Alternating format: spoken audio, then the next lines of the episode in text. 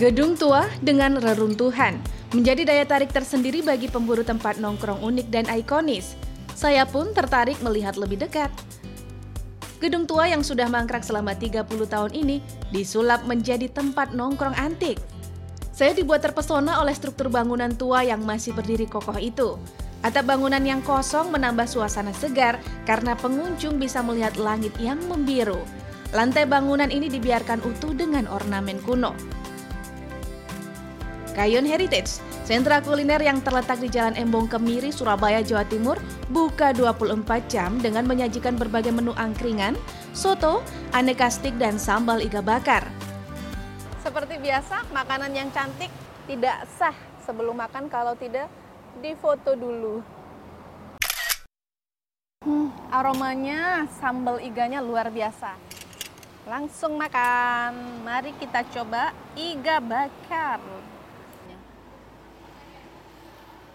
Hmm, bumbunya merasuk ke dalam dagingnya dan dagingnya lembut sekali seperti nggak ngelawan saat digigit. Manajer Kayun Heritage mengungkapkan, gedung dengan reruntuhan tersebut sengaja dijadikan area nongkrong outdoor.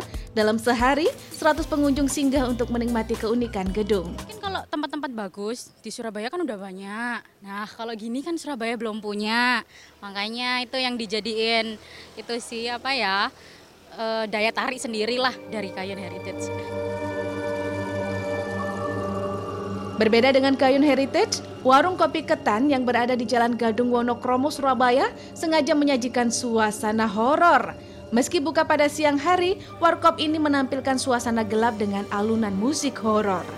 Saat memasuki area warung, pengunjung langsung disambut dengan replika sundel bolong yang bergantungan. Suasana kian membuat merinding dengan sambutan pocong dan sesaji bunga-bunga yang dilengkapi dupa. Pemilik warung kopi ketan Rani Andriana mengatakan, ide ini muncul secara mendadak saat terjadi pandemi. Selain itu, ia menyebut ingin memberi pilihan warung kopi yang berbeda dengan yang ada. Ya biar rame aja gitu. Akhirnya kita buat yang horor-horor orang kan jadi penasaran nanti ya alhamdulillahnya orang banyak tertarik gitu Dalam sehari lebih dari 70 orang nongkrong di warung kopi horor ini.